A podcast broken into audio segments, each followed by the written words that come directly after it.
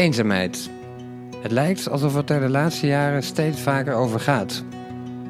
Meer en meer zijn mensen zich bewust van het bestaan van eenzaamheid, de impact van eenzaamheid en steeds meer hebben we het idee dat we er iets aan moeten doen. En al helemaal in deze coronatijd is eenzaamheid actueler dan ooit. Het coronavirus kunnen wij niet stoppen. Het eenzaamheidsvirus wel. Ik ben Kees Wijstra, ik ben filosoof en altijd geïntrigeerd geweest door menselijke relaties en door eenzaamheid. Maar wat is eenzaamheid eigenlijk? Waardoor word je eenzaam? Wat doet eenzaamheid en wat helpt tegen de eenzaamheid? In deze podcastreeks ga ik op zoek naar antwoorden op deze vragen. Ik spreek academici, hulpverleners en ervaringsdeskundigen. Op zoek naar eenzaamheid.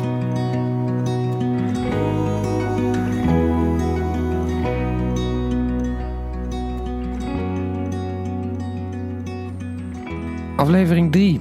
Wat doet eenzaamheid?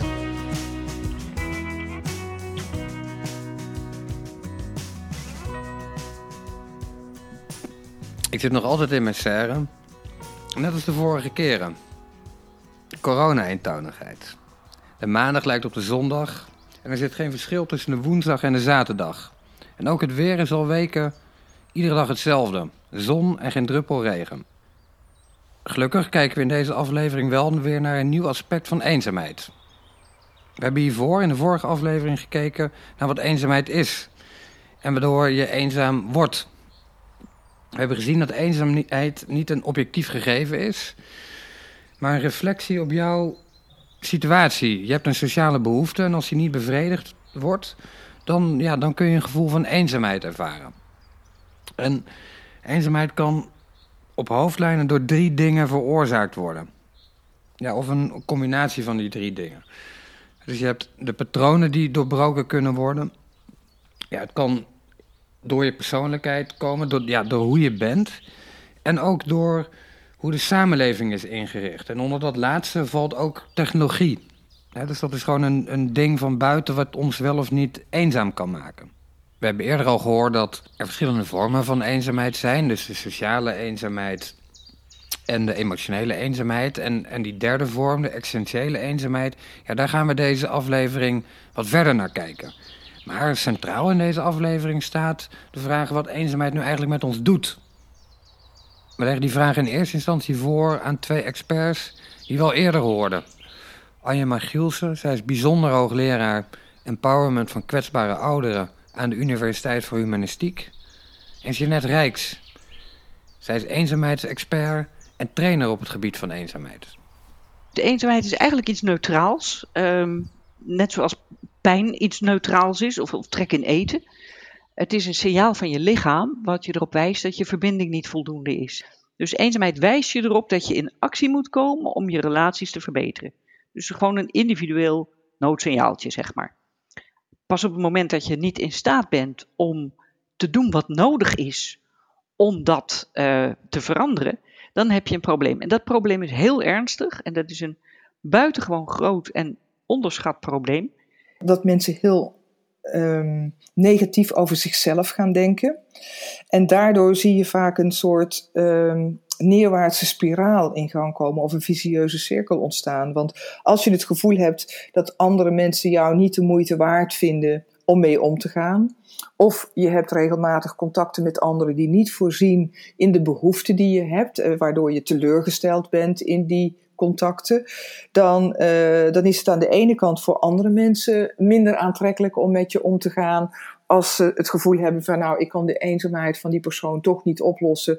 Mijn contact met die persoon draagt niet bij aan een, een beter gevoel uh, bij die persoon. Maar ook voor mensen die eenzaam zijn zelf uh, betekent het vaak dat ze, zich, uh, dat ze geneigd zijn zich meer terug te trekken uit contacten. Vanwege het idee van ja, um, blijkbaar voldoe ik toch niet, voldoen die contacten toch niet aan mijn behoeften. En uh, kan ik beter naar andere oplossingen zoeken, meer passieve oplossingen zoeken om met deze situatie om te gaan. Als je kijkt naar mensen die al langer last hebben van eenzaamheid, vaak al vanaf hun kindertijd, dan is daar één uh, common factor te vinden en dat is het gevoel van waardeloosheid. Of in ieder geval niet voldoende waardevol zijn. Zichzelf eigenlijk uh, wegcijferen en, en niet geweldig vinden.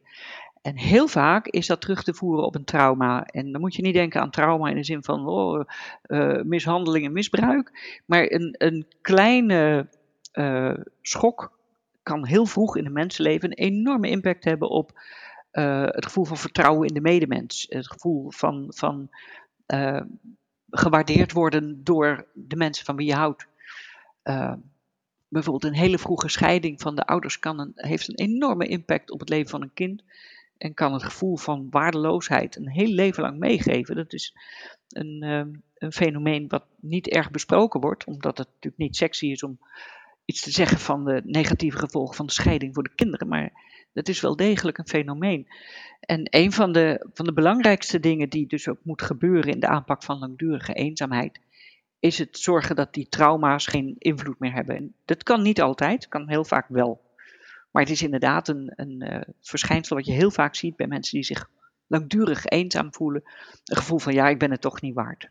Eenzaamheid uh, heeft ook allerlei gezondheidsproblemen tot gevolg. Langdurige eenzaamheid leidt tot uh, allerlei fysieke problemen, slapeloosheid, hartkloppingen. We weten uit onderzoek dat langdurige eenzaamheid zelfs net zo schadelijk is voor de gezondheid als overgewicht en langdurig roken. En daarnaast heeft eenzaamheid hele grote gevolgen voor de psychische gesteldheid van mensen. En er is bijvoorbeeld een hele sterke relatie tussen eenzaamheid en depressiviteit en somberheid. Mensen die langdurig eenzaam zijn, hebben meer kans om ja, toch ook met psychische problematiek te maken te krijgen. En dat komt omdat wij sociale wezens zijn tot in de, de diepste vezels van ons bestaan. En op het moment dat je niet in staat bent om dat sociale zijn, als het ware, vorm te geven in de werkelijkheid, in je echte leven, dan gaan je hersenen daarop reageren met, uh, als het ware, uh, laat maar zitten dan. Net zoals spieren die je niet gebruikt verslappen. Zo is je hele sociale wezen, je manier van, van aanwezig zijn in de wereld, dat, daar word je steeds minder goed in naarmate je langer last hebt van eenzaamheid. En dat heeft verstrekkende gevolgen voor je hersenen. In eerste instantie krijg je het feit dat je hersenen gewoon anders gaan functioneren. Nou, dus op zich, als dat tijdelijk is, is het helemaal niet erg. Daar kun je van alles aan doen. Maar als het niet tijdelijk is en het duurt een aantal maanden, dan krijg je een verandering van je hersenstructuur. En dan is het dus niet een tijdelijk iets, maar dan is het een blijvend iets. En daar zul je werkelijk met, met alle mogelijke middelen wat aan moeten doen omdat als je dat niet doet, je last blijft houden van eenzaamheid. En dan is het een zichzelf versterkend fenomeen. Dan zorgt het ervoor dat je je steeds meer terugtrekt, dat je geen zin meer hebt in het omgaan met anderen. En uh, dat heeft enorme lichamelijke gevolgen. Het heeft enorme gevolgen voor je gezondheid. Het ondermijnt je afweersysteem. Het, verlaagt je IQ. Het is in ieder opzicht negatief. Dus, nou, eenzaamheid, uh, ik zeg dan, het is neutraal. Ja, tenzij uh, je het probleem hebt dat je niet in staat bent om het op te lossen. En dat kan zijn door omstandigheden, dat je nu gedwongen binnen zit en de mensen niet kunt zien waar je van houdt. Of doordat je uh, werkelijk nooit geleerd hebt hoe je dat zou moeten doen en dan sta je echt met lege handen. Eenzaamheid hoeft op zichzelf dus niet ja, eens zo heel erg te zijn eigenlijk. Het is een beetje zoals pijn. Het is vooral net als pijn, dat is een signaal dat er iets anders aan de hand is. En bij eenzaamheid is het signaal dat er iets mis is met je sociale behoeften en je sociale netwerk. Maar houdt het langer aan, die, die, die pijn, die eenzaamheid, bijvoorbeeld omdat je niet in staat bent om het probleem op te lossen, je eenzaamheid op te lossen, dan kan het ernstige gevolgen hebben. Je komt in een neerwaartse spiraal op sociaal gebied, die zowel kan bestaan uit dat je teleurgesteld bent in hoe je zelf bent en jezelf minder leuk gaat vinden, maar ook dat je van anderen steeds minder gaat verwachten en je daarom ja, steeds meer weer in jezelf gaat opsluiten. Je kunt fysiek onder je eenzaamheid lijden, bijvoorbeeld slecht slapen, hartkloppingen en zelfs je hersenen kunnen er blijven door veranderen. En door deze combinatie, door deze dingen, kan uiteindelijk zelfs ja, ook je, je, je, je levensverwachting afnemen. Met ja, volgens sommige onderzoeken vier jaar ernstige cijfers dus. En die neerwaartse spiraal waarin je dus steeds eenzamer wordt, als het ware, waarin je steeds meer ja, in jezelf opgesloten kunt raken. Hoe ziet die spiraal eruit, die, die neerwaartse spiraal? Hoe verhouden psychische aandoeningen en gevoelens van eenzaamheid zich tot elkaar? De samenhang tussen eenzaamheid en psychische problematiek is niet echt heel. Uh, het is duidelijk dat daar een hele sterke samenhang tussen is. Maar het is niet uh, duidelijk. Uh, ik denk dat het van twee kanten werkt. Je ziet uit onderzoek dat mensen die met psychische kwetsbaarheid te maken hebben, het veel moeilijker vinden om stabiele relaties aan te gaan met andere mensen. En zich vaker eenzaam voelen dan mensen die wel in staat zijn om uh, om stabiele relaties aan te gaan, omdat ze ook psychisch heel stabiel zijn en uh, niet met uh, mentale problemen te maken hebben.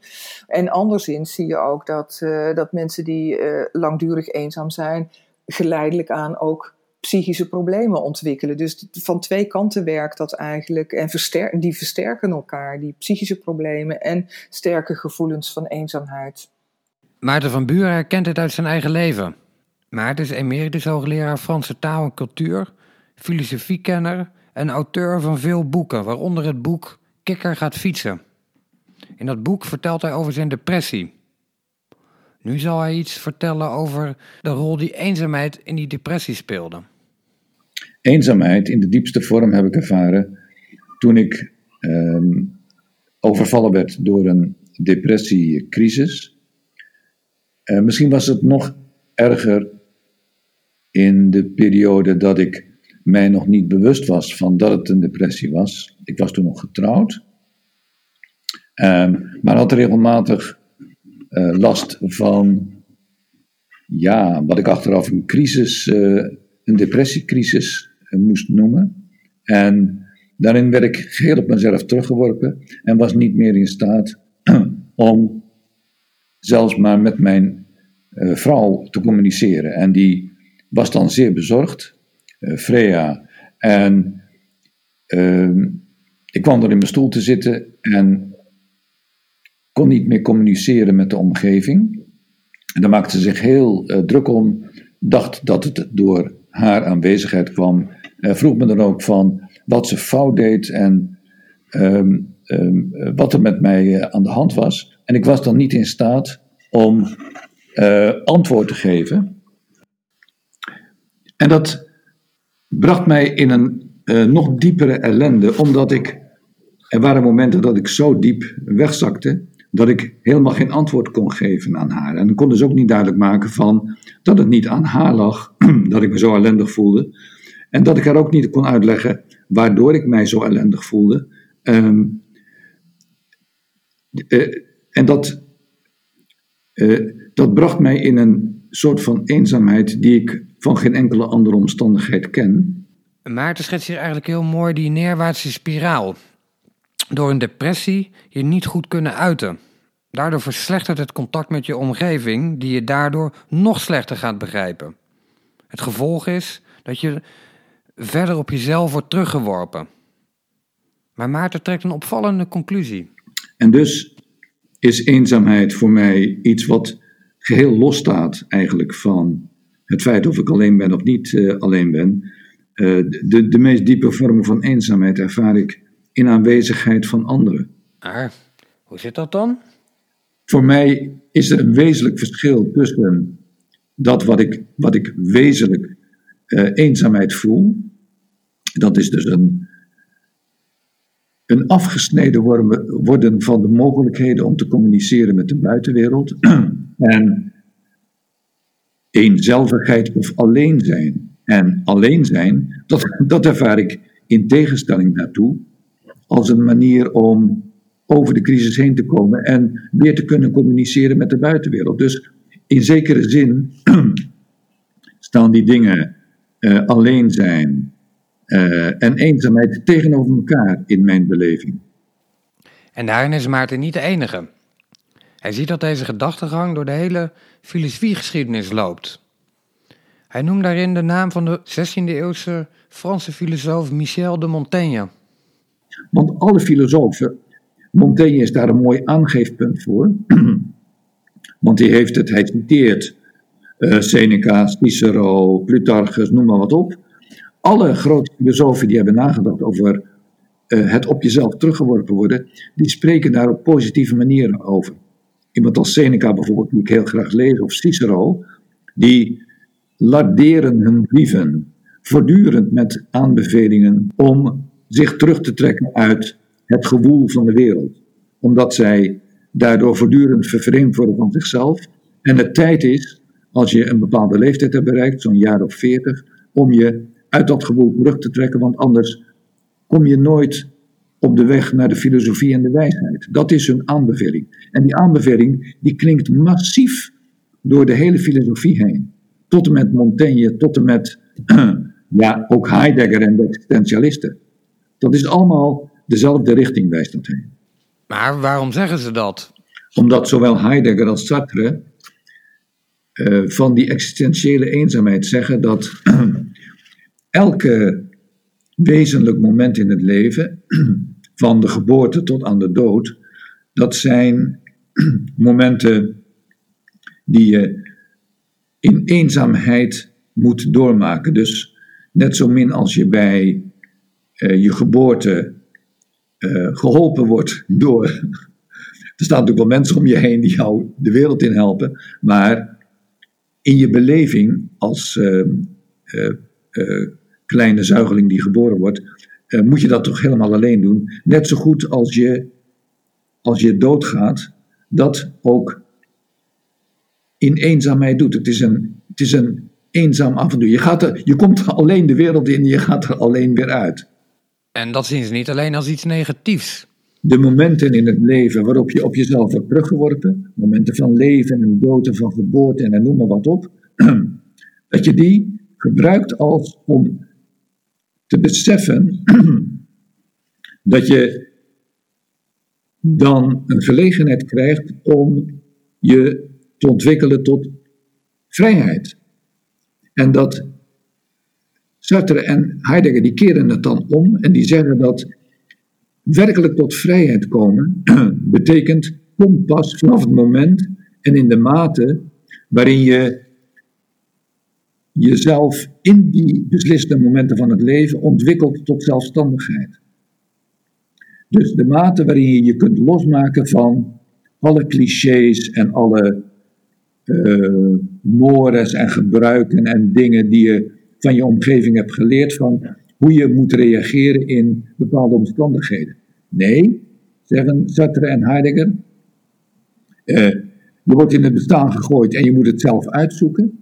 En de mate waarin je dat opvat als een uitdaging om het inderdaad zelf uit te zoeken, in die mate waarin je die uitdaging aanneemt, ontwikkel je jezelf tot grotere vrijheid. Juist omdat je onafhankelijk van anderen opereert, of dat nou noodgedwongen is of een bewuste keuze, maakt dat je tot grote vrijheid kunt komen. Dat is omdat je keuzes niet meer maakt omdat anderen dat ook doen, of omdat het moet van anderen, maar omdat je in deze situatie de auteur bent geworden van je eigen handelen.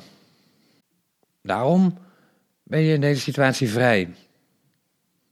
Theo van Tilburg, hoogleraar sociologie en sociale gerontologie, die we al eerder hoorden, ziet het opzoeken van essentiële eenzaamheid ook terug bij kloosterlingen. Traditioneel wordt wel vergeleken met, uh, eigenlijk met twee andersoortige mensen. Dat zijn de mensen die het klooster ingaan, hè, die zich echt terugtrekken in een ja, relatie vaak. Hè, de klooster doet religieus, dus een relatie met het hogere, hè, met het onbekende eigenlijk, kan je ook zeggen. Een andere persoon, ik zou zeggen een persoonlijkheid of een voorbeeld van een persoon, dat is de kluizenaar. Nou, kluizenaars hebben we tegenwoordig toch niet echt meer. Hè? Dat zijn de mensen die zich echt helemaal terugtrekken, die het, het hutje op de hei eh, betrekken. Hè? Dat is dan wel een bekend gezegde, die zich ergens in de bossen terugtrekken, helemaal daar alleen zijn en dat vooral zo uh, vol willen houden. Er is nog niet zoveel bekend over wat de effecten nu zijn van existentiële eenzaamheid. Het onderzoek uh, wordt eigenlijk al heel lang, ja, kan zeggen, gedomineerd door de sociale emotionele eenzaamheid.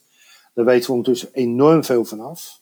We weten hoe vaak het voorkomt, bij welke groepen het voor, uh, voorkomt. Vaak voorkomt het bij andere groepen. We weten wat de oorzaken daarvan zijn. Dus uh, dat verschijnsel is heel goed in beeld gebracht. We weten ook zeg maar, dat er door de, nou, de afgelopen tientallen jaren hè, dat het wat verandert. Uh, dat de kansen op die eenzaamheid ook wel wat veranderen. Terwijl er tegenover die existentiële eenzaamheid, ja, ik zou zeggen dat is uh, niet helemaal nieuw. Want er zijn ook boeken uit 1961 die daarover geschreven zijn. Een boek van de Moustakos bijvoorbeeld. Maar het is wel uh, pas weer recent onder de aandacht gekomen. Omdat veel mensen zeggen van ja, er is toch iets meer aan het leven dan alleen je sociale relaties. We weten dus eigenlijk nog heel weinig van die existentiële eenzaamheid af.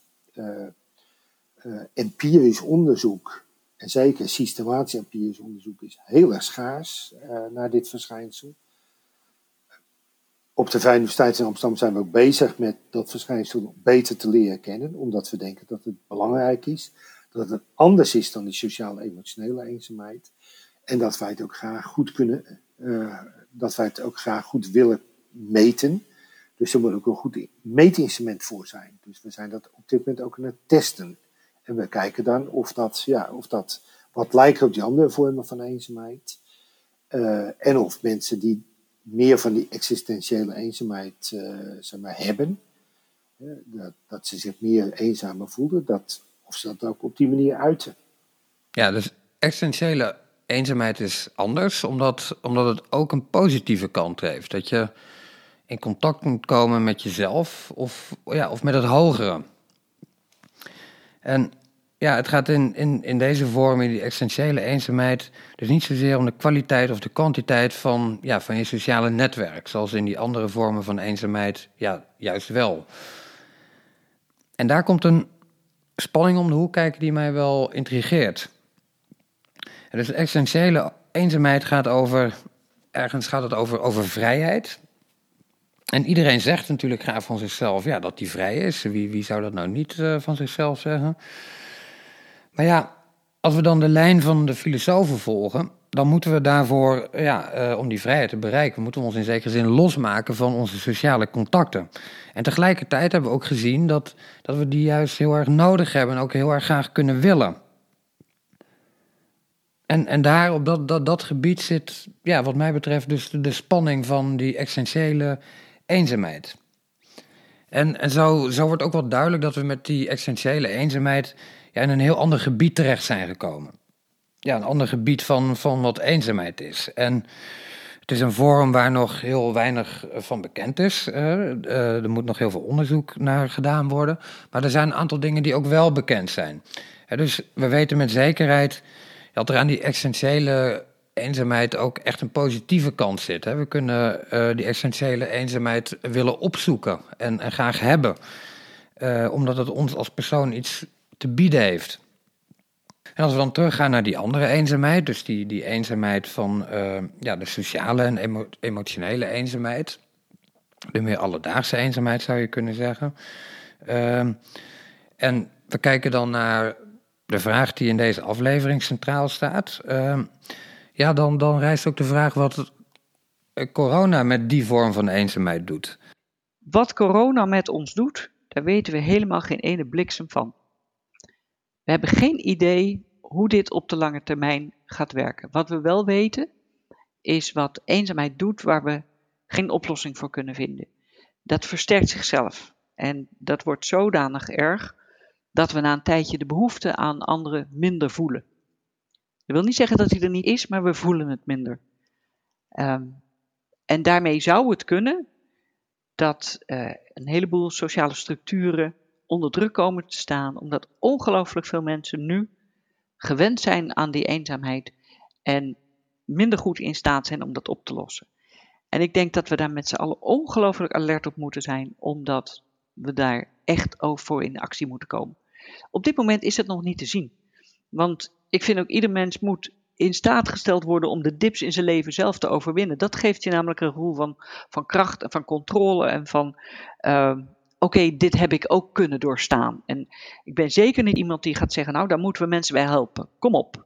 Als je mensen op dat moment gaat helpen, ontneem je ze de kans om zelf die kracht te laten zien.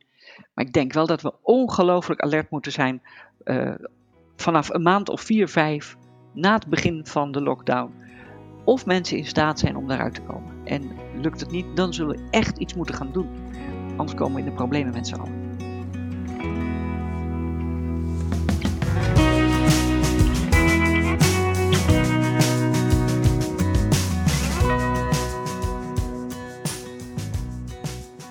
We kunnen of moeten doen, daarover gaan we het hebben in de vierde en laatste aflevering van Op zoek naar eenzaamheid. In deze aflevering hebben we geleerd dat eenzaamheid zeer grote gevolgen kan hebben. Psychische, fysieke klachten en uiteindelijk kan eenzaamheid zelfs leiden tot blijvende hersenverandering en een verlaagde levensverwachting. Heel heftige effecten dus. Daarnaast zijn we de essentiële eenzaamheid tegengekomen. Waarbij mensen juist bewust de afzondering opzoeken, soms zelfs permanent, om beter inzicht te krijgen in zichzelf of met ja, het hogere in contact te komen. Ook op grensmomenten in het leven, zoals de dood, kan die essentiële eenzaamheid ervaren worden. Ik hoop dat je deze aflevering hebt kunnen waarderen. Wil je meer informatie of reageren? Ga dan naar www.kokboekencentrum.nl/eenzaamheid.